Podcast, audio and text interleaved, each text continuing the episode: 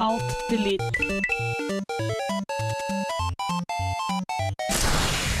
Unable to comply.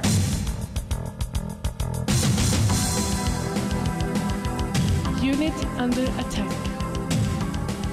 Auto shutdown. Sequence in progress. Ready to serve, my lord. Ja, ja, ja! Velkommen til Kontroll Alt Elites julespesial. Julespesial. Julespesial! velkommen, velkommen skal dere være. Det er så koselig å se dere her, da, folkens. Ja! Koser oss maks. Vi koser oss maks. Det er nemlig julespesial her i Kontroll Alt Elite. Og vi skal eh, snakke litt om hva vi ønsker oss til jul, og hva vi ikke ønsker oss til jul. Det blir bra. Eh, vi, har masse, vi har masse gode spill på lager, har vi ikke det? Og masse dårlig. Og masse dårlig. Eller et par dårlige. Vi har vel ikke så mange dårlige, Nei, vi har flest bra. Flest bra. Det har vært bra, et det. Det er fint positivt, eh, det. jeg Se for meg en sånn drittunge, vet du, som bare sitter OK, her er det tingene jeg ikke vil ha til jul, mamma og pappa. Jeg vil ikke ha den, vil ikke ha den. Nei, nei, nei, vi er koselige folk. Vi vil ha ting, men eh, vi, vi Altså, rådgiver folk til å ikke kjøpe visse ting, kan vi Det, helst. det er et godt poeng. Det er såpass mye traumer i juleperioden med uh, voldtektssesong og alt mulig, så vi vil i en måte ikke dra ned jula. Vi vil komme med det positive, det koselige, det hyggelige. Ikke sant, ikke sant.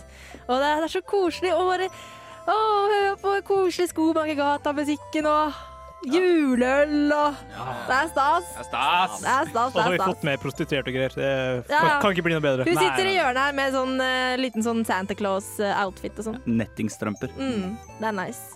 Hallo, hallo. Det, det var hun. Mm. Ja. ja da. Vi koser oss masse, og vi skal spille masse julemusikk i dag også. Eh, men eh, vi skal åpne med en uh, studentradiohit, nemlig Chromeo og Night by Night.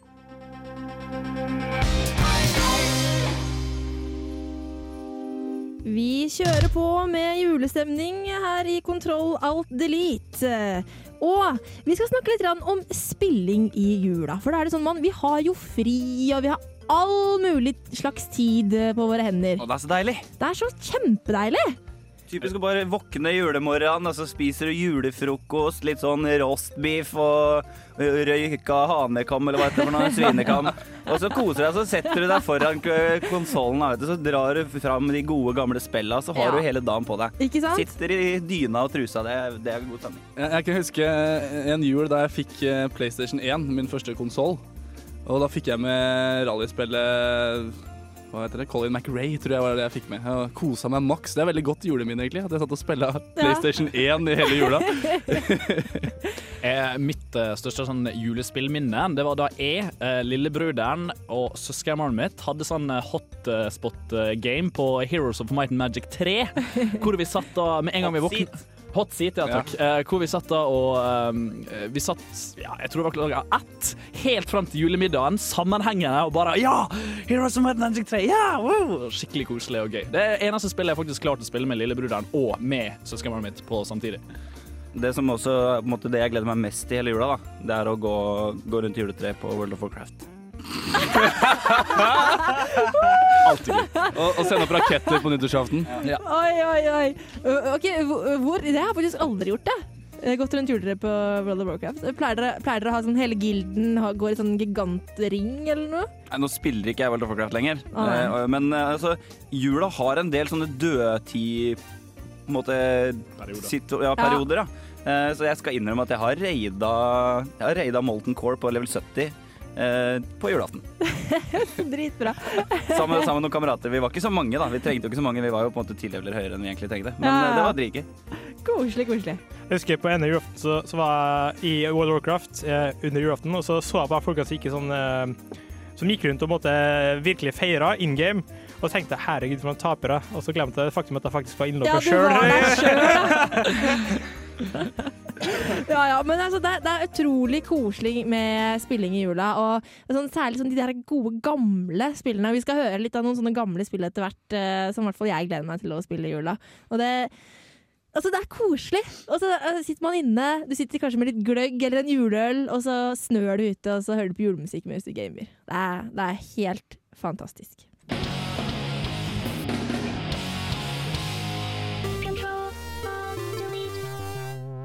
Da er det tid for at vi skal eh, snakke litt om eh, hvilke spill som er verdt å ønske seg til jul. For det, det er jo mange spill som er verdt å ønske seg til jul fra hele, i hele år, egentlig. Det er det. Og det er jo ingenting som er som å komme ned på kvisten, kikke under juletreet, så ser du en firkanta boks som du tenker at der ligger et spill. Ja, og sånn Da er det den du kikker på hele kvelden. Ikke sant?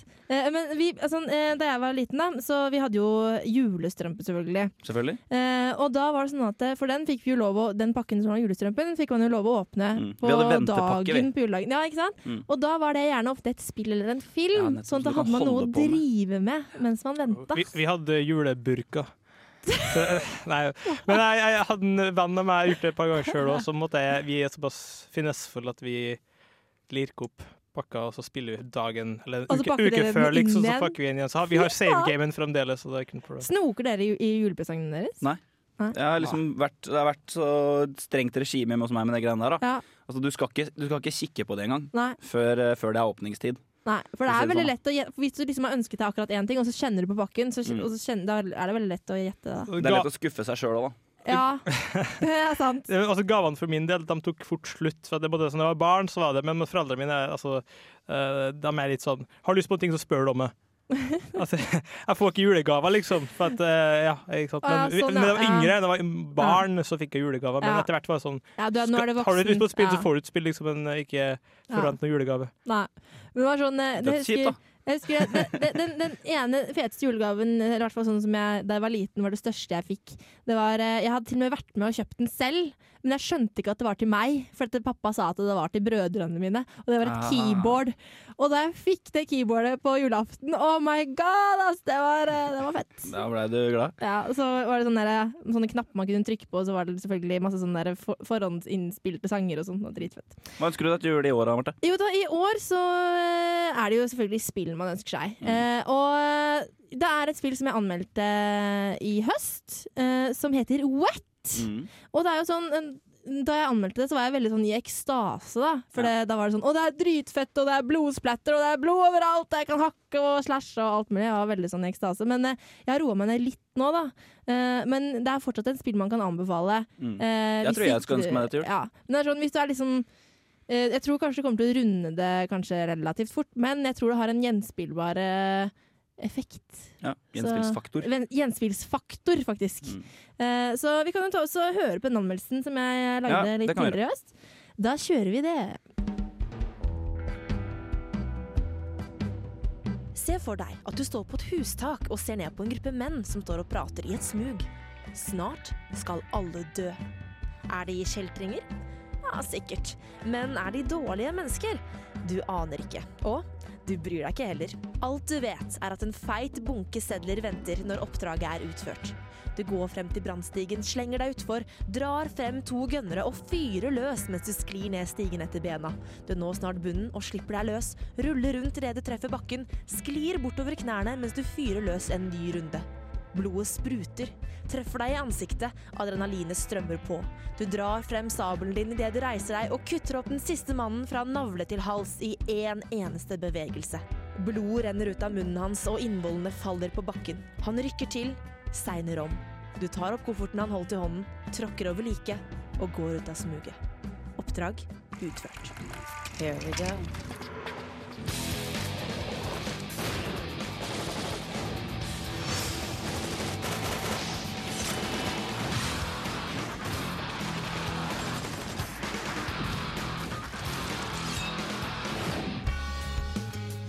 Actionspillet Wet er du den hardbarka leiemorderen Ruby Malone.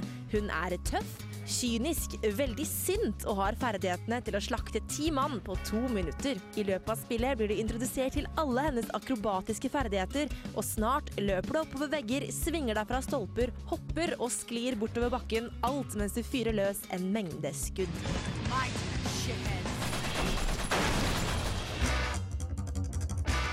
Historien i spillet trengs kun å nevnes med et par ord. Ruby er leiemorder, og hun gjør det hun blir betalt for.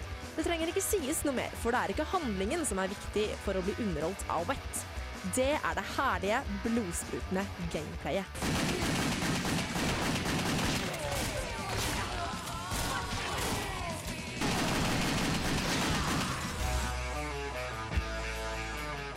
Ruby har forskjellige våpen du kan ta i bruk i løpet av spillet. De jeg imidlertid brukte mest, var de to pistolene hennes. Selvfølgelig én i hver hånd. Med innslag av litt heftig sabelbruk nå og da. Ruby kan bruke våpnene sine når som helst, men hvis du gjør noe akrobatisk, så skrus autotargeten på. Den ene pistolen finner automatisk det nærmeste målet, mens du med den andre kan sikte inn på det du selv vil. Dette gjør at du kan ta ut en hel haug med fiender på null komma niks. Og det ser dritkult ut. Ettersom at alt går i sakte film når det viser dine akrobatiske ferdigheter.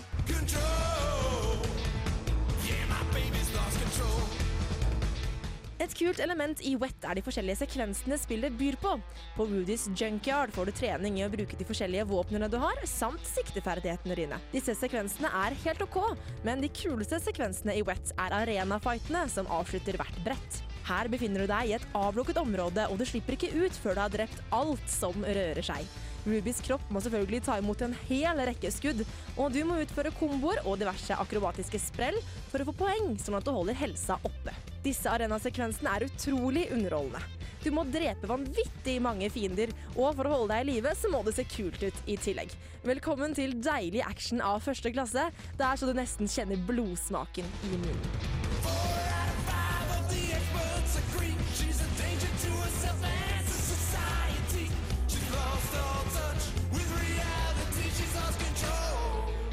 Wet er et utrolig underholdende spill, og det er kun et fåtalls irritasjonsmomenter i løpet av spillet. Spillet byr på herlig action, vold og blodsplatter, og digger du Grindhouse fra 70-tallet og filmer som Death Proof og Planet Terror, vel, da kommer du til å elske Wet. Løp og kjøp. Kontroll, alt, delete. Today we made a difference. Eagle 6 out. Woo! Jeg kom på en ting, folkens. Vi har glemt å introdusere oss selv, vi. Oi. Woo! Vi, Ja, var, vi har det så koselig. Ja, vi var så julestemning at vi glemte det helt bort. Men jeg kan si at jeg heter Marte, og med meg har jeg da Are Erlend. Bond. James Bond. Og Truls. Ja, så koselig, så koselig. Eh, og vi driver fortsatt og anbefaler spill som folk kan ønske seg til jul. Eh, og hva er det kanskje du ønsker deg til jul, Are? I wish you a merry Batman, I wish you a merry Batman, I wish you a merry Batman and a happy joker. Eh, Takk, takk, takk, takk. Uh, det er jo selvsagt eh, Batman uh, Arkham Asylum som er bare må dytte folk inn i butikkene for å kjøpe. Ja. Uh, enten til seg sjøl eller til sin kjære, eller til noen du egentlig ikke liker. Eh, Samme det, fordi det er et for bra spill til å eh, la det gå forbi. Uansett om det er jul, eller om det er nyttårsaften, eller om det er eh, Armageddon. Det gir jeg F-en i. Eh, Gir du F-en i? ja, det gir jeg F-en i. Uh, Jeg trodde du sa det gir jeg FM i. Jeg trodde vi var så gamer at det begynte liksom FM. Nei, eh, det også et annet spill jeg vil anbefale. Men eh, Arkham Asylum uh, Batman det var jo en fantastisk gjennomføring. Og det var bare Det var liksom et komplett spill som hvis du aldri har spilt det før og har tenkt å bruke romjula på det, tro meg, du kommer til å bli så fornøyd, utrolig fornøyd eh, av å spille Batman. da Iallfall hvis du liker Batman, sånn som jeg alltid har gjort. Jeg har jo alltid likt Batman og Joker og hele den pakka. Og det de klarer, det er å liksom bare ta alt, og så bare ja, inn i en sånn liten sånn fin ball som man uh, kommer til å ha det ufattelig bra med. Så koselig. Men det er sånn, eh, hvis man er Batman-fan, som du sa, så er det litt sånn at eh, de har gått litt sånn tilbake til røttene. Back to the roots. Ja. Og det er jo bra, for det er så mye sånn nye Batman-ting som på en måte blir litt teit. Ja, ja. Og eh, altså, det å lage et Batman-spill det er alltid litt sånn risky, fordi uh, tro meg, Batman har hatt sine, sin del av dårlige, dårlige spill. Eh, og spesielt i og med at Batman er en tegneserie som har både skilt seg ut til å være spill og til å være film, så blir man veldig nervøs. Fordi man vet det at de sammenkoblene her har aldri en tendens til å være noe særlig bra. Men eh, som du sier, eh, så har de gått tilbake til røttene. Eh, Jokeren ser ut som tegneseriejokeren, ikke som uh, filmjokeren. Ikke at det hadde vært noe ille, men du, du koser deg mer da når du ser den gamle jokeren som, uh, som er lang og tynn og har på seg ja, freakish dresser og ler lattermildt. Og ikke helt den uh, Heath Ledger-jokeren, men den gode, gamle jokeren som du er kjent fra i tegneserieverdenen. Og det, det skinner så godt gjennom etterspill her at du, du klarer bare ikke å motstå det. Hva, Da skal vi ta og høre på din anmeldelse av Batman Arkham Asylum, som det absolutt er verdt å ønske seg til jul. Yes. Mange vil si at den neste som tør å produsere noe som helst med navnet Batman i seg, har noen store sko å fylle etter filmen Batman The Dark Knight. Og det er i det hele tatt å prøve å spille en ny joker etter skuespillerprestasjonene til Heath Ledger, vil kanskje noen si er på grensen til galskap. Likevel så trer det nye spillet Batman Arkham Asylum til PS3 og Xbox 360 frem fra de mørkeste skyggene og kanskje det møkkeste stedet på jord, med ren spillerglede, god spillbarhet og ikke minst en fantastisk joker i spissen blant et stort karakterrepertoar og bunnsolid skuespill uten å bry seg om sitt rykte å leve opp til. For om du i dag hadde bedt meg om å velge mellom å aldri se The Dark Knight noensinne igjen, eller å aldri spille Batman Arkham Asylum noen gang, så ville jeg valgt å bare kunne spille Batman Arkham Asylum for resten av mitt liv, fortere enn Batman kunne ha slått ut et rom fullt med bad guys. Plans, plans, plans. They always have their plans. But the problem with their plan is that when you take an insane person to the asylum, you're just taking him home. The very place he knows best.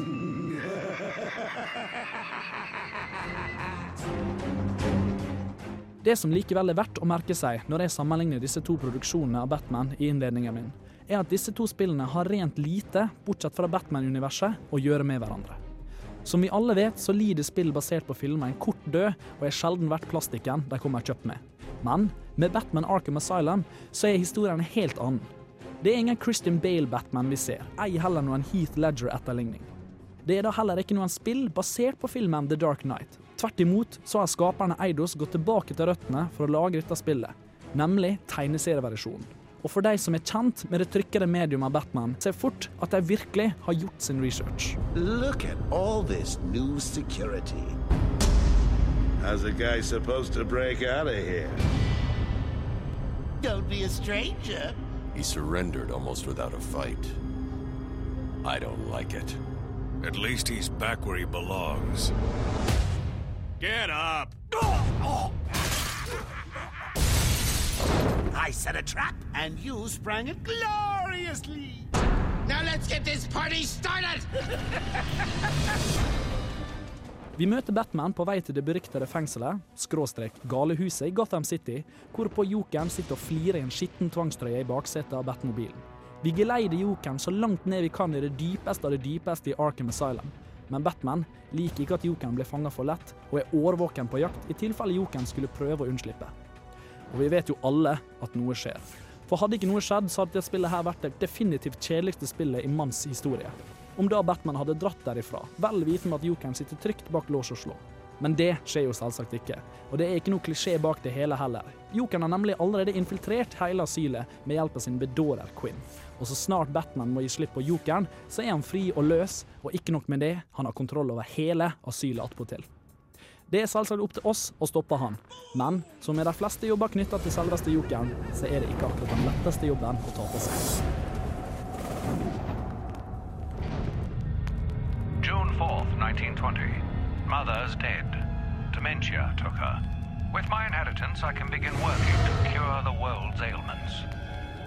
The name Amadeus Arkham will become legendary. Selve spillet er en fryd å spille, og selv om det ikke er verdens mest revolusjonerende spill, så er det bunnsolid underholdning. Du møter selvsagt de fleste kjente skurkene i Batman, som Poison Ivy, Croc og Scarecrow. The Riddler møter selvsagt også opp i kjent stil og har spredd en drøss av gjemte gjenstander og gåter rundt om på det enorme spillbrettet for de av oss som er samlegale. Selv om spillet er ganske så lineært, så føles det aldri tredemølleaktig. Og selv om det ikke er mye annet å finne på enn å lete etter Riddler-gåtene eller følge hovedkvestet, så sørger spillets enorme setting for at det alltid er noe å finne på å gjøre, så det aldri blir kjedelig på noen som helst måte.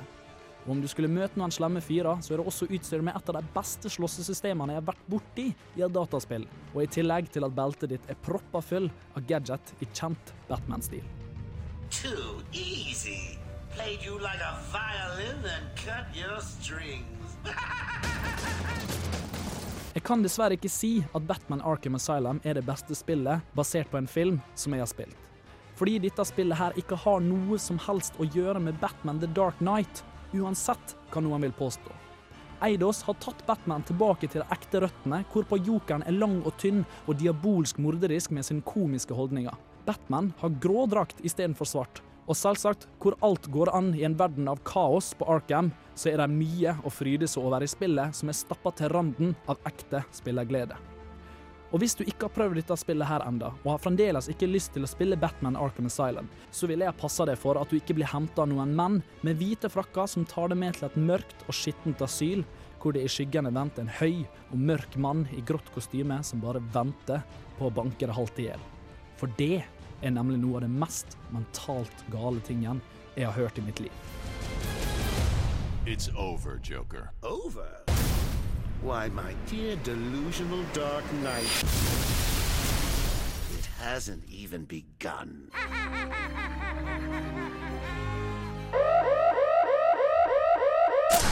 Kontroll, alt, delete. Game over. Julestemning! Rudolf er rød på nesen. Det er så trivelig. Det er koselig. Det var selvfølgelig Ella Fitzgerald med The Christmas Song. En av, en av de største slagerne gjennom tidene, tror jeg vi nesten Aldri hørt kan den si. før. Aldri hørt den før. Aldri hørt den. Boo! Går ikke på Swish og snakker med. Utrolig, utrolig koselig. Eh, og vi, det, det er så god stemning i studio her nå. Ja, Vi, vi sitter og koser oss med juleøl og julemusikk og Pepperkake. ja, vi, skulle, vi skulle hatt litt sånn der, eh, litt uh, sprita opp gløgg nå, så hadde det blitt eh, fart på sakene. Men uh, vi driver jo og uh, anbefaler spill som kanskje bør havne under juletreet i år. Uh, og hva er det vi skal se på nå? Jo, det som eh, vi skal se på er jo Truls eh, sin, eh, sine preferanser på ting som burde ligge under juletreet. Ikke sant? Eh, og det som vi også må spesifisere er jo at det er ikke nødvendigvis julegaver. Altså Hvis ikke du får det til jul, så kan du gå og kjøpe det òg. Men ting som er ålreit å bruke litt fritid og sånn på i jula, da. Ja, ikke sant? Når du, I romjula, når du er litt sånn bakfull eller et eller annet, eller har en dag til overs. Du kan sitte og kose deg litt. Når du er ordentlig mett. Ja. Det er det som liksom er, definerer Ja, jula for meg. Når du må kneppe opp eh, buksa og ta av beltet og sånn. Jeg, jeg vil også si at Det er på en måte en sånn kjøpsanbefaling. At det, det er et eh, det som jeg har, eh, vil gjerne ha under juletreet, er et bra spill. da. Ja. Så det er ikke sånn at eh, 'Å nei, jeg fikk ikke det'. Nei, det, det var synd. Da, da, får jeg, da får jeg ikke tak i det spillet. Hvorfor ble du sponemer plutselig? Hvis jeg tør å spørre. Det er også det at uh, hvis, du, uh, altså, uh, hvis du hører på denne sendinga her, og det er jævlig langt, veldig, veldig kort tid til julaften, og, og du bare tenker 'faen, nå har jeg ikke kjøpt noe gave', så er jo det så bra og bare sånn 'å ja', få litt, har svaret. Ja, det er fint. Men hallo, Truls. eh, Ja. eh, hva er din anbefaling for eh, årets julespill? Eh, Jeg vil si Uncharted 2, Among Thieves, som jeg har anmeldt i tillegg. Ja, Så veldig bra spill. veldig bra spill. Eh, jeg har hørt rykter om at det er, det er flere som har sagt at det, det kommer til å bli årets spill og sånne ting. Jeg tror ikke det er langt unna. Nei? Eh, Jeg vet at både kritikere og forbrukere har stått i kor og elska det spillet her. Eh, Jeg har en ting å si bare sånn angående oss i Kontroll Alt Eliten. For vi har, Modern Warfare 2 har ingen av oss anmeldt. Nei. Og det har jo, jeg tror det blir årets spill. For det, det har jo solgt mer enn Michael Jackson og Beatles til sammen. Eller noe sånt der. Det var et eller annet syke summer i hvert fall. Hele Kina og Japan har kjøpt uh... Ja, men det, det er det, det tror, sånn årets spillmessig så tror jeg kanskje Modern Warfare. Hva er egentlig årets spill? Hva er, altså, årets musikk vil jo være en trashy pop fra Korea, sånn sett. Godt så- poeng. ja. Godt poeng. Eller, eller altså, nei. Det, det, det, det er spill litt for massene. Spill for massene. Spill for massene Ja, er ikke samme som kvalitet. Nei, altså for eksempel eh, altså, En eh, spillanmelder vil ikke gi eh, ti stjerner til et spill som bare er et spill for massene. Nei, det er sant. Det må være kvalitet. Så det er litt forskjell på akkurat musikk og, og spill på den. Akkurat det. Jeg syns det er litt sånn trist jule, julebudskap som driver ute og går. Det er liksom eh, krig selger mest. Eh, jeg vet ikke helt hva bra budskap det er, så eh, du må ta litt tid til å kose med andre også, for å si det sånn. Men eh, for eksempel Uncharted, som egentlig har veldig litt med krig å gjøre, men eh, litt mer sånn ja, klatring og skattejakt. og er sånn familiefilmtema, bare at det er litt sånn slemme skurker med. Det var ikke greit. Men nå skal vi ta og høre på hva Truls uh, syns om uh, Uncharted 2 Among Thieves da det kom ut. Det etterlengta Uncharted 2 har kommet. En sjelden dag dukker det opp skatter som man bare må få tak i. Endelig er den dagen her. Look, they called it the wish fulfilling jewel. It's a sacred object. What, like a Buddhist holy grail? Exactly.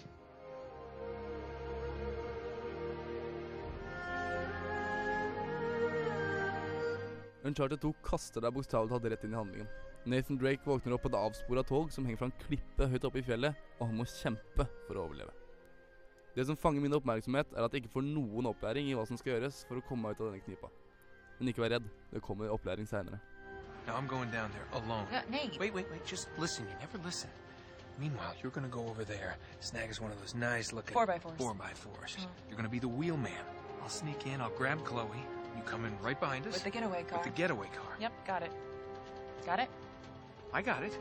Go. Uncharted 2 er en herlig krysning mellom Indiana Jones og Tomb Raider. Nervepirrende action blandet med gåter og puslespill. Når du spiller, føles det som å se en film, og det er balansen mellom gameplay og historie som gjør denne følelsen komplett. De flytende bevegelsene i karakterene og de sterke personlighetene gjør at det er en fryd å både se og høre. Well, that's great. I won't even have to get my top off. Chloe, I was thinking more like an explosion. Jeg anbefaler å prøve seg på nærkamp i Uncharted 2. Det er veldig gøy å se en motstander tåle både tre og fire skudd gå rett i bakken med noen få neveslag. Det går også an å snike seg rundt og avbli fienden stille, men dette er vanskelig når du plutselig står overfor ti andre som ser rett på deg. So what do we do if they switch the patrols? Figure it out as we go. We cannot fumble our way through this. I don't fumble. I improvise. Oh, is that what you call it? Yeah, I'm uh, adaptable. Adaptable. You cocky bastard. Uncharted 2 blander action og handling på en slik måte at jeg blir sugd fast og ikke får nok. Grafikken, bevegelsene og personlighetene til karakterene er enestående. Det er et spill som ikke kommer til å bli glemt på en stund. Historien er en spennende fortelling om eventyret av Nathan Drake, og han gir seg ikke med det første.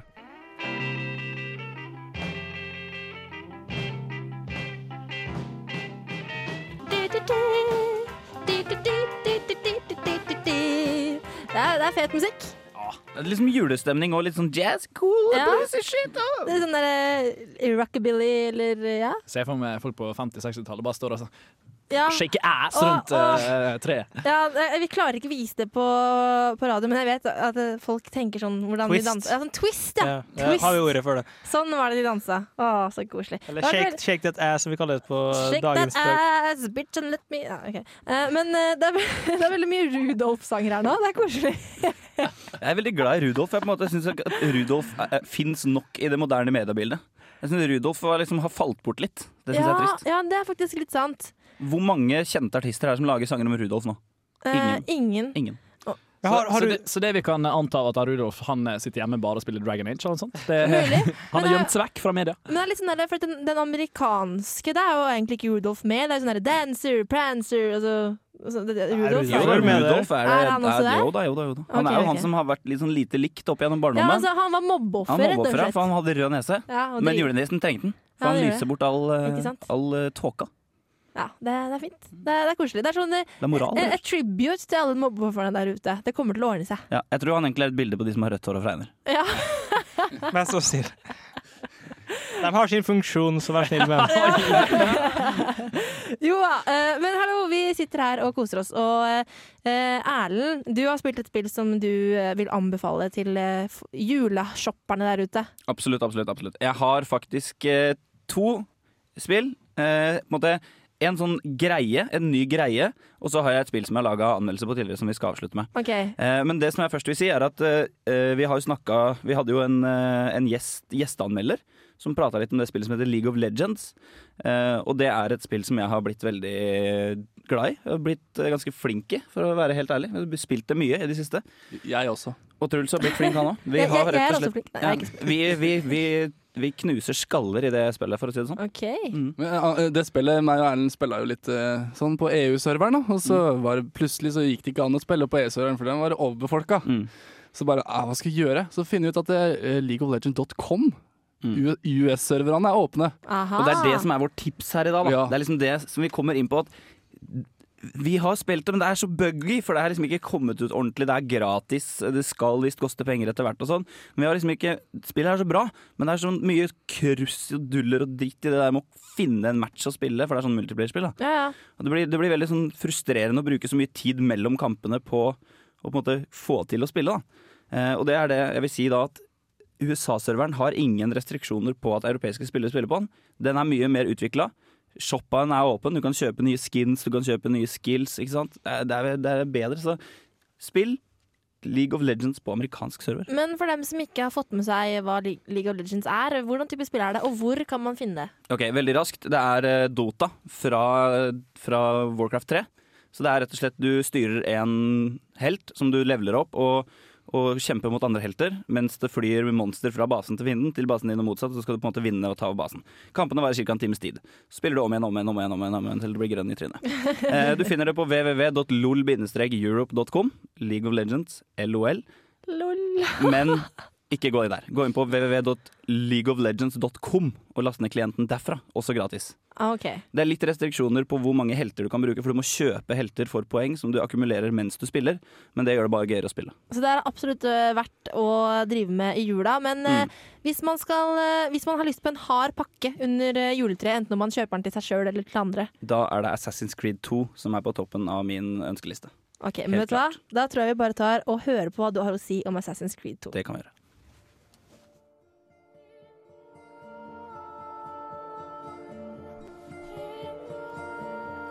Flere hundre år har gått siden det tredje korstoget. Altair, en av de største snikmorderne som har vandret på jordens overflate, har for lengst trådt inn i det udødeliges haller. Men krigen mellom tempelridderne og Hasashin-ordenen er langt fra over.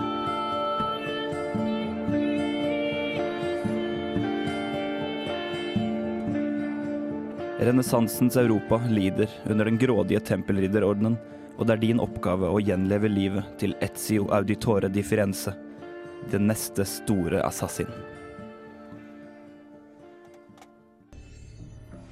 My name is Desmond Miles. I'm a prisoner of war. A war I never knew existed, waged by two groups I never thought were real Templars and Assassins. The Animus showed me the truth. The things I've seen, the things I've been. A thousand years of history flowing through my veins, brought to life by this machine.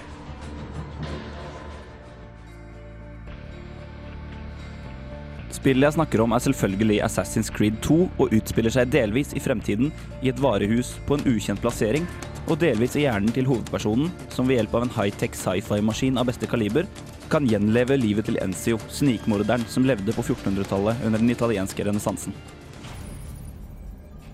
I'm going to teach you how to survive. You too must learn to blend like us. Seen but unseen. Spillet er jo en oppfølger, og det bygger i aller høyeste grad på historien fra det første Assassin's Creed-spillet. Og selv om du denne gangen spiller en helt annen snikmorder i en annen del av verden på et annet århundre, er det nok av referanser til hendelser og personer i det første spillet. Krigen mellom Assassin-ordenen og tempelridderne er fortsatt hoveddrivende i spillet, og om du spiller kortene dine riktig, kan du til og med skaffe deg rustningen og sverdet til Altair fra Assassin's Creed 1. Historien i spillet er ganske innviklet og veldig drivende. Spillet er absolutt av den typen som suger deg inn, for deretter å nekte deg et sosialt og konstruktivt liv de neste timene. Personlig er det akkurat denne typen spill som skaper størst spilleglede hos undertegnede. Now, let's teach you how to fight. Meet me on the practice field. Where you stand and how you move can make all. Spillet blir særlig et godt spill når det i tillegg til å fange deg med en god historie, har fantastiske scener, god gameplay og sandbox-elementer som gjør at man ikke nødvendigvis alltid må gå direkte fra A til B. I tillegg klarer Assassin's Creed 2 å dukke unna det som ble den største minusen på forgjengeren, nemlig at spillet ble noe ensformig utover i historien. Spillet har enda bedre driv, og de frivillige oppdragene har større variasjon. Ting som muligens kan trekke ned det totale inntrykket av spillet, er at det i såpass høy grad baserer seg på hendelser og personer fra den første Assassin's Creed. You gotta tell me, why Ezio? Why Italy? I mean, we could have just gone back to Altair again. Followed him during his early years. It started with 16. Ah, good old Subject 16. He repainted my room, you know. With his blood.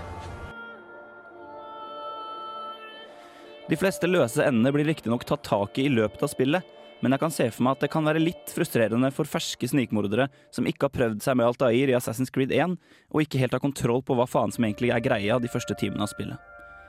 Voice-actinga i spillet er heller ikke av beste sort, men hvis man har spillkunnskapene sine i orden, kan man få seg en god latter under noen av dialogene som utspiller seg. You have my thanks. Keep the sword, Ezio. Do I know you from somewhere? Don't you recognize me? It's a me, Mario. Uncle Mario. It's been too long, Yipote. Far too long. Alt i alt er Assassin's Creed 2 et meget underholdende og godt spill. Ubisoft har truffet spikeren på hodet ved å lage enda et godt spill med god stemning, stort sett god grafikk, god spillbarhet og med mindre gjentagelse enn forgjengeren. Spillet drar deg inn, holder deg godt fast og gir deg mange timer med parkourløping rundt i italienske byer under renessansen. Og det er jo ikke verst, bare det.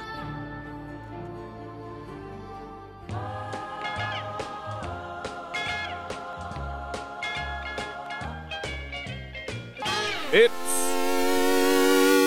Retro Gamer!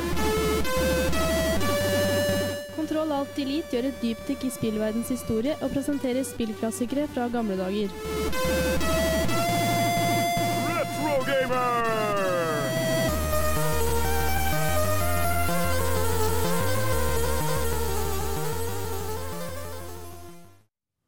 Som dere sikkert skjønner, så er det selvfølgelig klart for uh, ukas eh, retro. Uh, men før denne fine jinglesnutten her, så hørte vi jo Mel and Kim 'Rocking Around the Christmas Tree'. Uh, og hvilken, hvilken film er det dere, dere, dere forbinder denne låta her med mest? Er det sånn Love Actually eller noe? Er det det? Nei, Nei, det er Hjemme alene! Jeg tenker på den der andre julesangen jeg, fra Ja, Love Actually. Den der den I skal- Want You. Altså, Ja, vi skal høre en uh, sang fra Love Actually etterpå, faktisk. Oh. Men uh, det er ikke den du snakket om. Men det en tilbake til Hjemme alene. Det er jo den scenen hvor disse to skurkene bare sånn Nå skal vi rane huset! Nå skal Ja. vi rane huset! Og så har jaggu han der lille kidden uh, tatt masse sånne pappdukker og, og lage et helt sånn Det det juleselskap. Så det ser ut som det er full fest, eh, men egentlig så er det bare masse sånn tog, og så er det noen mannekengdukker. Alt sånn. Det er dritbra. Fantastisk film. Eh, og det er jo litt sånn nostalgisk av oss, og det passer jo fint eh, når vi skal snakke om retrogamer. Eh, og eh, Khalid, eh, det er du som har laget denne retrogameren her, men det er jeg som har ønska den inn. Flere ganger. Du er jo så glad i Disney-spill, så når, når, når, når noen andre enn deg lager dem, så blir du helt i ekstase. Og dette er kanskje et av de største Disney-spillene for min del. Ja. Eh, jeg vet ikke hvorfor, det er bare en rar X-faktor jeg spiller. Det føles veldig litt Disney. Det er produsert av Capcom, av alle folk. Men ja, alle har nok ganske gode minner fra det, hvis de husker det. Ja, jeg tror det. Og for det som er med jula, da, er at det, eh, ofte, ofte så er det jo sånn at hvert fall jeg har jo liksom De konsollene jeg har, de har jeg hjemme der jeg bor, men kanskje noen av de gamle sånn Nintendoene og sånn står igjen hjemme eh, i eh, Der man kommer fra, holdt jeg på si. Og det er absolutt en veldig bra gaveidé. Hvis du har en gammel Nintendo som ligger igjen, og du vet at OK, jeg kommer aldri til å spille denne konsollen her mer, men du vet at du har en liten, en liten nerd i familien. Herregud, pakk han sammen, gi han til han. Sleng med alle spillene. Han kommer til å bli sjeleglad. Aldri gi bort gamle spillkonsoller.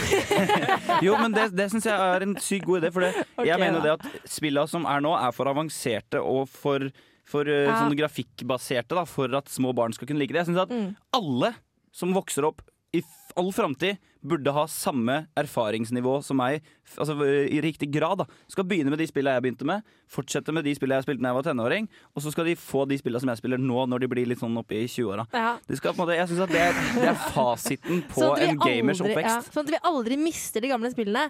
For det er det jeg syns er så koselig når man kommer hjem, og så spiller man kanskje de gamle konsollene og de gamle spillene. da Ja, det er jo dritkoselig. Men det med Erlend, som Erlend sier, er eh, Vi kommer aldri til å utvikle spill hvis det skal være sånn.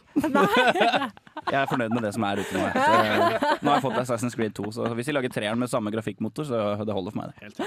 Åh, det, er, det er nostalgisk og det er koselig. Og det spillet som vi snakker om, det er Disneys Magical Quest starring Mickey Mouse.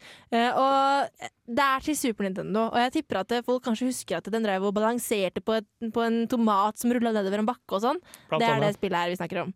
Du kan være trollmann og brannmann og hva mer var det? Eh, Fjellklatrer, Ja, ja, et eller annet sånt. Og det er dritbra! Ja.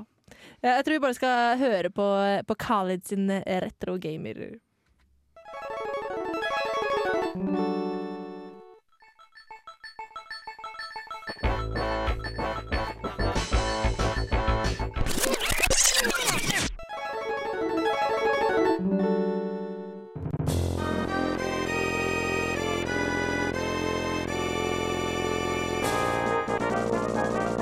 De fleste av oss som vokste opp med Nintendo og Super Nintendo, forbinder Capcom med spill som Megaman og Street Fighter. Men i 1992 ga det japanske selskapet av en eller annen mystisk grunn ut Disney-spillet The Magical Quest, starring Mickey Mouse. Et plattformspill til Super Nintendo-konsollen som var penere, bedre og mer kreativt enn de fleste konkurrentene.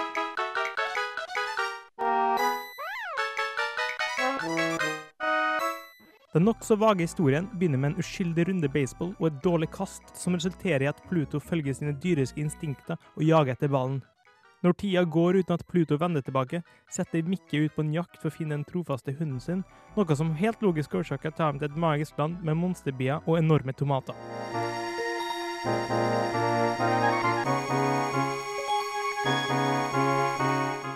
Spillet er så lineært som du får det, men inneholder en rekke kreative innslag som gjør det til mer enn bare en Mario-klone. Kontrolloppsettet er veldig ordinært, og mulighetene har blitt sett før.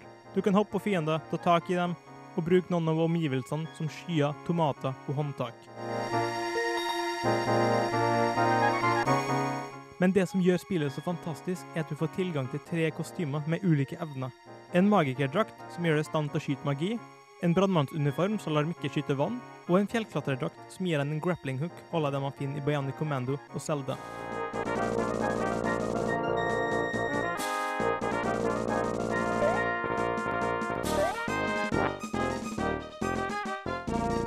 Både musikken og grafikken har en egen signatur som gjør at jeg husker dem selv 16 år etterpå. Men jeg husker også det morbide valget Capcom tok da de valgte å ikke gi oss muligheten til å lage vår progresjon.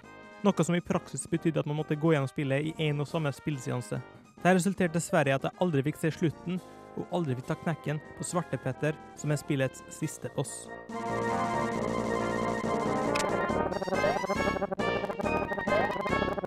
Disneys Magical Quest starring Mickey Mouse er og var heller ikke noe fundamentalt nytt da det kom. Men det var heller ikke noen billig klone. Spillet hadde alt et godt plattformspill burde ha, og litt mer. Og det kan faktisk sammenlignes med World of Warcraft, i det at det er en kollasje av alle de gode elementene som forgjengerne hadde kommet på. Med andre ord en perfeksjonert mulatt.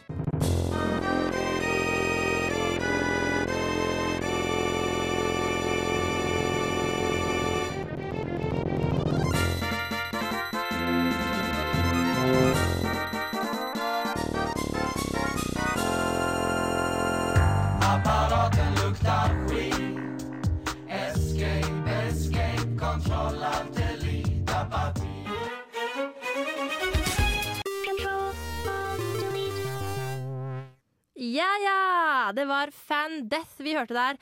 Veldig veldig kul låt. Ikke julelåt, men vi kan jo ikke ha bare julelåter heller. For eh, vi må jo ha litt eh, studentradiomusikk. Jeg, jeg syns vi bare kan ha julelåter. Du syns, du syns det? Ja. Ja, ok, okay, men Det kommer til å bli mer og mer eh, eh, julelåter etter hvert. Vi skal høre eh, en låt som heter 'Suck It To Me Santa' senere, er en Jævlig fet låt. Eh, men nå skal vi over til noe litt annet, for vi har drevet og bare anbefalt spill, vi. Sånn der 'dette bør du kjøpe', og 'dette er fett å ha under juletreet' og sånn. Eh, men det er jo noen spill som er så ræva at de faktisk bør sende ut en advarsel. Ikke rør dette spillet! Og det, dette er et spill som, eh, som hvis du er, har litt sarte ører og sånn, så, så burde du rett og slett eh, Du burde ikke skru av, det burde du aldri, men du burde skru ned lyden litt. For her er, her er det juicy, altså. Ja, og jeg bare sier, Hvis du sitter nå på lesesalen og hører på radio, eh, skru ned lyden for all del. Eh, hvis du blir lett flau, så bør du også kanskje skru ned lyden litt. Eh, dette her er et spill som eh, Knut Sørheim, som dessverre ikke er her i dag, eh, har anmeldt. Eh, og vet ikke, hva er det han har egentlig sagt om spillet, Kaller? Han har jo sagt at det egentlig ikke er noe spill. Det er en interaktiv billedserie med lyder. Det er du klikker, det er som å gå inn på et galleri på nett, og så klikker du next, next, next, og så er det litt tekst, og så er det musikk i bakgrunnen. Ja. Og, og, og lyder. Eh, og det er jo basert på en sånn type tegneserie, sånn type japansk tegneserie. Hen, hentai. Hentai. Og hvordan, Folk flest vet hva hentai er Ja. for noe. Det, Jeg tror til og med Knut eh, forklarer hva hentai er, så er ikke vær redd hvis du ennå ikke henger med. Ja, du, du skjønner det, eh, for å si det sånn. Jeg tror vi skal bare ta og høre på Tasty Shafts, som eh, absolutt ikke er å anbefale. Hold deg unna! Hold deg unna. えっと、その、ごめんね。よく聞こえなかったよ。 Mitsuna er en japansk ungjente. Sjenert og sexy. En dag kommer de to kjekkasene og bestevennene Kyuchi og Raiji bort til henne og spør om hun har lyst til å bli med en av dem på date. Men å velge mellom de to er ikke lett for Mitsuna. Hun har havnet i en svært vanskelig situasjon. Heldigvis er de to kameratene av den fleksible sorten og kommer fram til at de begge kan være kjæresten hennes. Dette er begynnelsen på en evig lang trekant uten drama.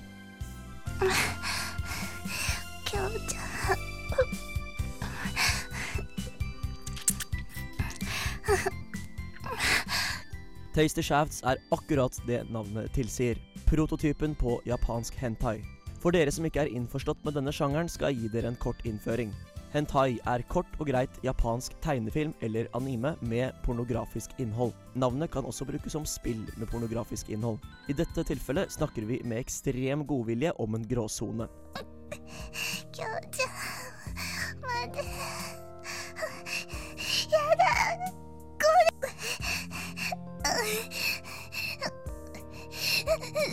For å kalle Tasty Shafts et dataspill er egentlig en infam løgn og ikke noe annet. På hjemmesiden til mangagamer.com, der man kan kjøpe spillet for svimlende 19,80 euro, står det oppført under sjangeren adventure.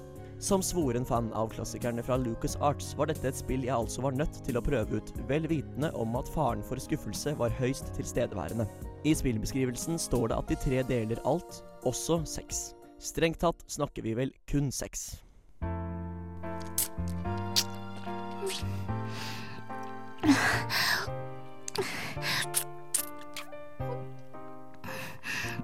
I realiteten er nemlig Tasty Shafts en pornofilm man må trykke seg gjennom. Egentlig er vel Dagbladets kommentarfelt like mye et adventure-spill, selv om teksten i Tasty Shafts dog trekker det lengste halmstrå hva fornuft angår. Her blir man introdusert til de forskjellige aktiviteter de tre bedriver fra dag én og utover uka. Ja, den godeste Mitsuna får sannelig kjørt seg. Undertegnede har for øvrig observert at Taster Shafts pluss lesesal på Dragvoll er lik alt fra forskremte til lattermilde blikk. Men hva gjør man ikke for våre kjære lyttere? Lyden på spillet er for øvrig av det svært erotiske slaget og varierer stort sett mellom slafsing, stønning og innimellom noen japanske gloser fra en klynkende Mitsuna. NB kan virke noe forstyrrende med headset. 京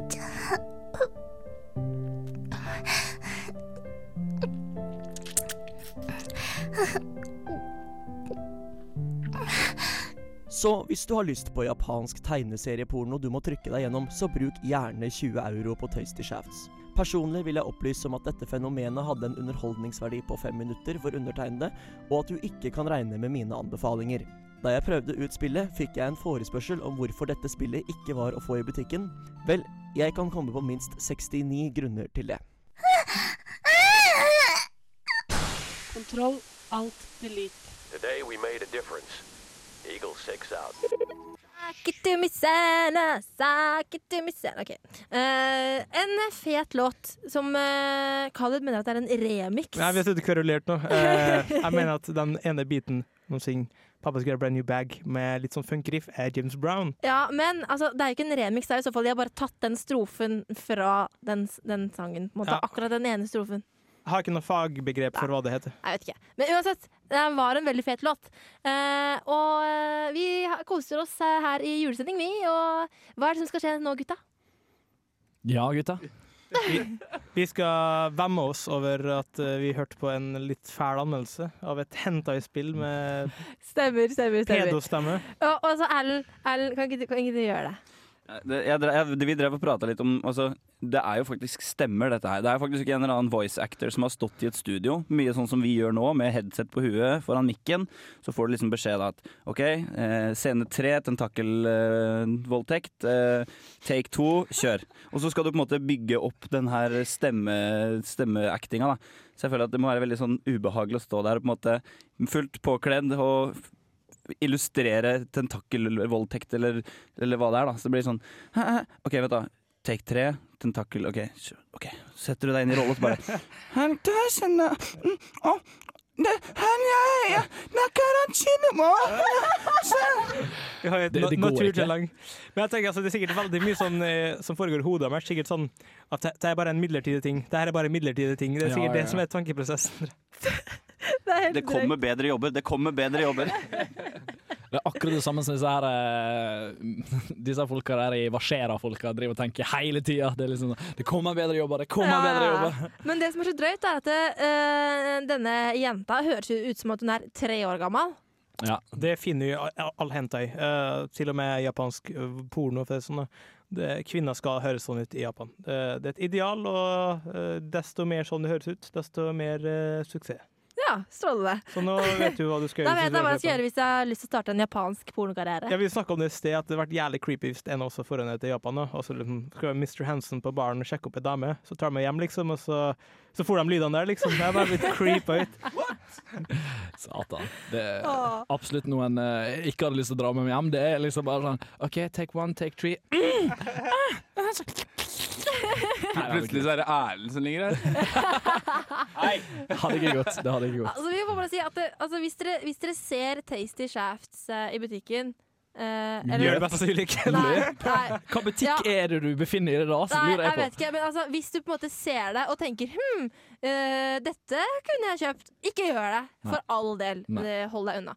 Uh, men folkens, uh, vi har jo julesending her i dag, og vi har jo spilt litt julemusikk allerede, og det skal vi fortsette med. Og her kommer det en sånn skikkelig sånn Skikkelig sånn fin julesang, da. Som på en måte er I hvert fall når jeg hører på sånn der Absolute Christmas og sånn, så er den låta her på, på det albumet. Er, er det fra Love Actually? Nei, det er ikke denne her. I hvert fall ikke som jeg veit. Vi skal si fra når det kommer. Eh, ja, vi skal si fra når det kommer. Men den her er dritfin, syns i hvert fall jeg. Det er Lillian Axe med 'Here Is Christmas'. Kontroll, alt, delete. The plan will work, Your Majesty. Of course it will. The blight ends here. More for Rodan!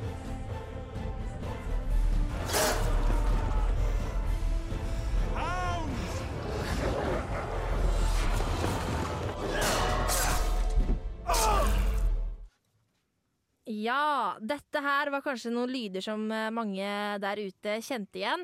Eh, Khalid, hvilket eh, spill var dette lydklippet hentet fra? D to the R, Dragon Age Origins. Feteste spillet som har kommet i år, hvis du spør meg. Ja. Um, ikke helt ferdig med det, men uh, det har sine naturlige årsaker som vi har tatt opp før. Men jeg har begynt å spille det i går. Var det noen grunn til at du fikk sånn cool stemme når du begynte å snakke om det? Dragon Age, eh, feteste spillet som er laga, spør du meg år. Jeg må jo represente, ikke sant. Det både BioWare, BS Brothers, ikke sant. Men altså, alle eh, Vi er nå Hvor mange er vi i studio? Vi er fem stykker i det studio, og alle har spilt det. Mm. Eh, og alle digger det. Det skjer sjelden. Ja, eh, Det er et fantastisk spill. Eh, og Khalid, hvorfor eh, bør folk kjøpe det spillet? Uh, do not ask what, you, what the, your country can do for you, ask what you can do for your country. Det er den typen retorikk. Det Ja, hvorfor ikke? Altså, det, det, det, det er et fantastisk rollespill. Det har alt et godt rollespill skal ha, pluss litt mer. Det har Ja. masse voice acting, story, grafikk. Alt. Ja, og hvis du på en måte ikke har spilt eh, Dragon Age Origins enda, og du har lyst til å være jævlig asosial i jula, så er det bare å kjøpe dette spillet, eller ønske det seg til jul. For at da kommer du til å sitte hugga til TV-en hele romjula. Og det som er, altså Spillet her har i seg sjøl sikkert 60 timers eh, gameplay, minst. Ja, minst. hvis, og, og de holder på konstant å lage sånne små oppgraderinger og eh, expansion pack-aktige greier. Da. Så det, vil, det, det vil være et spill du vil holde på med i flere år. Det som også jeg synes er veldig greit med spillene, nå sier jo Marte at hvis du har lyst til å være asosial i jula, så er det her et spillspill, og det er helt riktig. Du klarer lett å bare bruke hele liv, resten av livet ditt på spillet. I hvert fall de neste par månedene. Men det er så også, altså, i og med at ikke det er noe multiplayer-greier, det er ikke noe online-shit på det, eller det er jo nedlastbar content, sånn, men du trenger ikke å spille hele tida. Altså, nå har jeg spilt Assassin's Creed 2 en del, jeg har spilt en del League of Legends og spilt en del multiplayer og sånn på det. Og så har jeg på en måte bare spilt Dragon Age innimellom alt det her. Og det funker dødsbra, altså. Rett og slett. Mm, det var imponerende, det er ikke jeg klart. Jeg satt og spilte og spilte og spilte sånn tre dager i strekk helt til eh, kjæresten min klikka villmann på meg og bare kasta meg ut av stua. Så det, da fikk jeg ikke lov å spille mer, for da skulle han spille Fifa, faktisk. Så, men, men, men det er et fantastisk spill, så det bør, det bør ligge under juletreet hvis du er skikkelig spillinteressert. Eh, vi skal gå videre i sendinga vår i denne fantastiske julesendinga. Og den låta vi skal høre nå, den er totally awesome! Det er fordi den heter selvfølgelig Awesome, og det er The Bloody Beatroots som har fått med seg The Cool Kids. Og du hører på Kontroll Alt Elite på Radio Revolt. I can't lie, I like to get my two step on. Awesome. Awesome. Elektronikafolka i The Bloody Beatroots hadde fått med seg rapperne fra The Cool Kids, og de lagde, lagde en awesome låt. Awesome. Awesome! Fantastisk. Eh, men eh, Are, det er adventstid, og du hadde noe å si om eh, adventstida. Jo, fordi advent det er jo en tid å være takknemlig for ting. Eh, Litt à la thanksgiving i Amerika, så er advent i alle fall for meg og min familie en, ting, eller en periode hvor man skal være glad for ting. Rett og slett være takknemlig for noe. Og, og da tenkte jeg skulle spørre, ja, Hva er dere takknemlige for? Og Da kan vi begynne med Khaled. Hva, hva du er takknemlig for? Jeg er takknemlig for den gode nyhetsdekninga av Kongo-saken. Rett og slett. Fuck you. ja, det, det er bra. det er bra. Marte? Vet du hva, jeg er eh, takknemlig for eh, den eh, Ikke splitter nye, men denne høsten så har jeg fått meg en 40-tommer uh, flatskjerm-TV. Den er jeg jævlig takknemlig for. Materialist. Jævla materialist, ass. Og så er jeg takknemlig for at det er så mye kjærlighet i livet. Og, ja, er koselig. Truls? Eh, jeg er litt takknemlig for at jeg snart er ferdig med alle eksamenene, eh, og det snart er jul. Og det er snart jul. Ja, eh, Det er alltid snart jul. Men nå er det ekstra snart jul. Ja, det er veldig nærme jul. Ja. Eh, hva mer? Eh, Hvis jeg skal være litt materialist, jeg også. Eh, at meg og Erlend holdt på å bygge en papirfigur av Sephiroth. Fra? Fra Final Fantasy 7. Takk. Mm. Den blir veldig kul, faktisk. Jeg tror vi skal gi den til oss sjøl i julegave. Mm. Eh, jeg er veldig, veldig altså, Adventstida hos oss er jo en sånn glede seg-tid, det. Eh, I min familie. Det betyr vel faktisk å se fram til noe, eller noe advent, et eller annet. Eh, og jeg ser fram til at eh, at Truls og Anne drar hjem, for de har drar hjem 16. desember. Og jeg må være igjen her i Trondheim helt til 23. Eh, og det jeg er takknemlig for da, er at jeg får lov til å låne PlayStation 3 til Truls. sånn at jeg får runda Assassin's Creed 200% Det er veldig, veldig bra. Uh, jeg sjøl er nå takknemlig for uh, Ja, hør nå, da. Tallet to. Da tenker dere hæ, tallet to, hvorfor det? Jo, fordi der er så mange bra spill som endelig kommer opp med oppfølger som faktisk er bra. Det er Modern Warfare 2, det er Assassin's Creed 2. Greit nok Dragon Age Origins ikke en toer, men det er en oppfølger. Det, det Ikke, ikke glem eh, den derre Among Thieves. Nei, uh, Uncharted 2. Det er så mange gode toere ute å, å kjøre at jeg blir liksom glad. Fordi for kanskje, hvis du ser tilbake igjen to år, da var to det var liksom sånn faen, ass. Så i, i, I de siste årene så har Are blitt jævlig glad i toeren, rett og slett. Var, var det, Oi, var oi! Nye, nye, nye slagordet til Kontroll Elite er Tar den i toeren. Vi, vi tar den i toeren. Herlig. Eh, det er visst spillverdenen sin også, så hint, hint. Ja, ja, OK. Eh, vi skal videre i vårt lille juleprogram, eh, og nå skal vi høre min fantastisk yndlingsjulelåt. Er det fra Love Actually? Nei, det er ikke fra Love Actually. Faen! Det er Kirsty MacColl and The Pogues. You better not breathe, you better not move. You better off dead, I'm telling you, dude. Santa Claus is gunning you down. Hva er vel bedre enn en blanding av Futurama og litt sånn derre irsk-inspirert eh, julemusikk? Eh, dere hørte En natt på glattcelle, kanskje? Ja, ja kanskje. Ja. ja, Dere hørte i hvert fall min yndlingsjulelåt av 'Fairytale in New York' av Kirsty MacColl and The Pogues. Som ikke er fra Love Actually, altså. Nei, som ikke er fra Love Actually. Eh, jeg kan, eh, siden, altså, nå er Erlend er ikke inne i studio akkurat nå, og da kan jeg avsløre, eh, hvis dere lover ikke si til han, at den låta vi skal høre fra Love Actually, det er den siste låta på hele sendinga. Ah. Så han må vente helt til den siste låta. Så ha-ha på han. Han må lære seg tålmodighet. Han må lære seg tålmodighet. akkurat det. Det Patience, my friend. Ja. Men Khalid, vi driver litt med hatspill. Altså spill Mm. som du absolutt ikke bør kjøpe i julepresang til andre, og du ikke må sette på din egen ønskeliste. Ja. Og hva er det du har plukka ut eh, for oss nå? Et veldig ufyselig spill som jeg har spilt eh, tidlig i år, som heter X-Blades. Um, jeg spiller mange spill. Jeg spiller noen bra, noen Mesteparten av spillet er medium. Og så har du noen veldig få som er så dårlige at det faktisk Du husker på dem. Ja. Eh, Det blir som det retarderte barnet du har en plass. Eh, Det som du setter ut i skauen, mener du? Ja, nettopp. Han du ofret til gudene. Eller ikke ofre, men ja. Eh, Men, men eh, X-Blades var et sånt spill for meg. Det var et spill jeg hadde veldig lite forventninger til. Jaha. Jeg visste at det var en sånn Devil May Cry, Ninja Gaiden-aktig, sånn hopper ut og slår og skyter og sånn. Men jeg visste ikke noe særlig mye mer. På coveret så det dame med bikini, litt anim-inspirert. Jeg, jeg, altså, jeg, jeg så for meg at ja, helt midt på treet, greit. Ja. Men når jeg satt og spilte det spillet, så var det sånn All energi fra kroppen min bare ble tømt. Jeg ble spirituelt tappa. Eh, jeg jeg, jeg mista mitt vesen. Det er dypt, altså. Det er dypt. Det er, jeg, ble, jeg ble, truffet på så dypt nivå at man kan produsere noe sånn makkverk som det der. Og alt sugd. Absolutt alt. Det måtte vanligvis være sånn Spillet suger, men det har Nei. Alt, alt er dårlig. Uansett hvordan du vinkler, så er det et dårlig spill. Ikke kjøp X-Blades. Det finnes til PC og til Xbox 360. Ikke kjøp det. Men kan du også kalle det crossblades? Hvis du er harry. ja. ja, bare for å gjøre spillet enda mer Ja, på coveret så har du, så har du liksom holdt med noe i, cross, i kors, da. Så det er sikkert det som er meningen. Hun bruker to sverd og to pistoler. Okay. Så ikke kjøp det. Ikke kjøp det til barna dine. Ikke kjøp det fienden din engang, for du skulle alltid holde fienden din nærmere enn vennen din. Ikke Ja, sant? ja. Sånn strategisk. Ja. Så jeg vet ikke. Du kan kjøpe det til han, f- han ungen du ofra i skogen. I hans sitt minne. Khalid er en ond mann. Eh, vi skal, eh, vi skal, skal vi virkelig gidde å lide oss gjennom anmeldelsen din av X-Blades?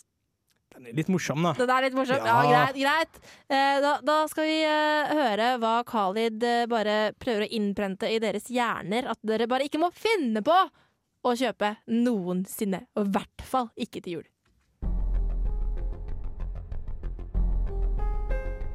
Da jeg opprinnelig hørte om Southwick Interactive og deres anime-inspirerte X-Blades, ble jeg litt glad for at også amerikanerne for en gangs skyld skulle lage 3D action hack and slash-spill. Har du spilt spill som Ninja Gaiden, Onimusha og Devil May Cry, så vet du mest sannsynlig hva jeg snakker om.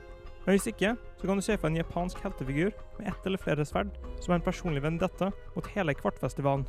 There will be blood. I X-Blades så styrer skattejegeren Ayumi, hvis uniform består av en bikini og slalåmsko. Ja, slalåmsko. Jeg håper for guds skyld at dette designvalget var resultatet av flere års grundige studier som involverte en lang rekke profilerte forskere og synske Henning Hai Li Yangs samtykke. Hvis ikke vil jeg anbefale at den ansvarlige blir sparket fra stillingen sin, etterfulgt av en tvungen kastrering hvor jeg sjøl betaler sykehusregninga.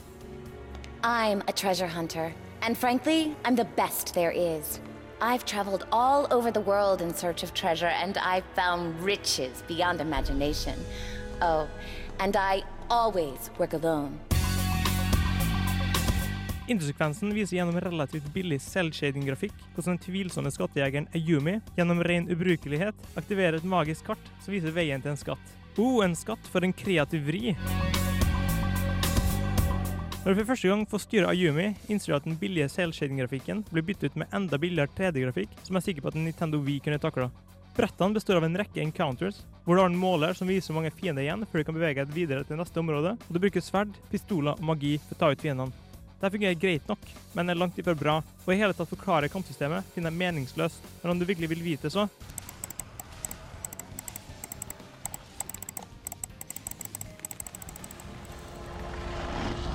did you find the temple? How is anyone still alive who knows the way here? Det som vanligvis er det beste med 3D action hack and slash-spill, er fysikken. Hayabusa i Ninja hopper fra tak til tak, springer på vann og kaster fiendene sine rett opp i lufta etterfulgt av en flygende dødsdans. Skattejegeren Ayumi derimot kan hun hoppe. Hun kan å um, Har sagt at hun kan hoppe? Ja. Um, uh, nei, det er vel egentlig alt hun kan det, tror jeg. Ja. About a year ago, I found a map of some ruins in a crumpled old book. Another empty city run down by the passage of time. But according to legend, hidden in the ruins was an artifact of incredible power. Det er egentlig ikke så mye å si om X-Blades. Navnet suger, designet suger, og det samlede produktet føles uferdig. Oppførselen til hovedpersonen er totalt usympatisk, og hennes klesdrakt forvirrer meg. Skal til Syden eller Oppdal, Jimmy? Ring meg når du har bestemt deg, så kan jeg sende deg litt antrax i posten.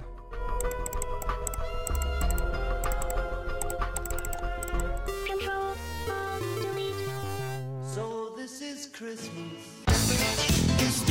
Gadget. Ditt,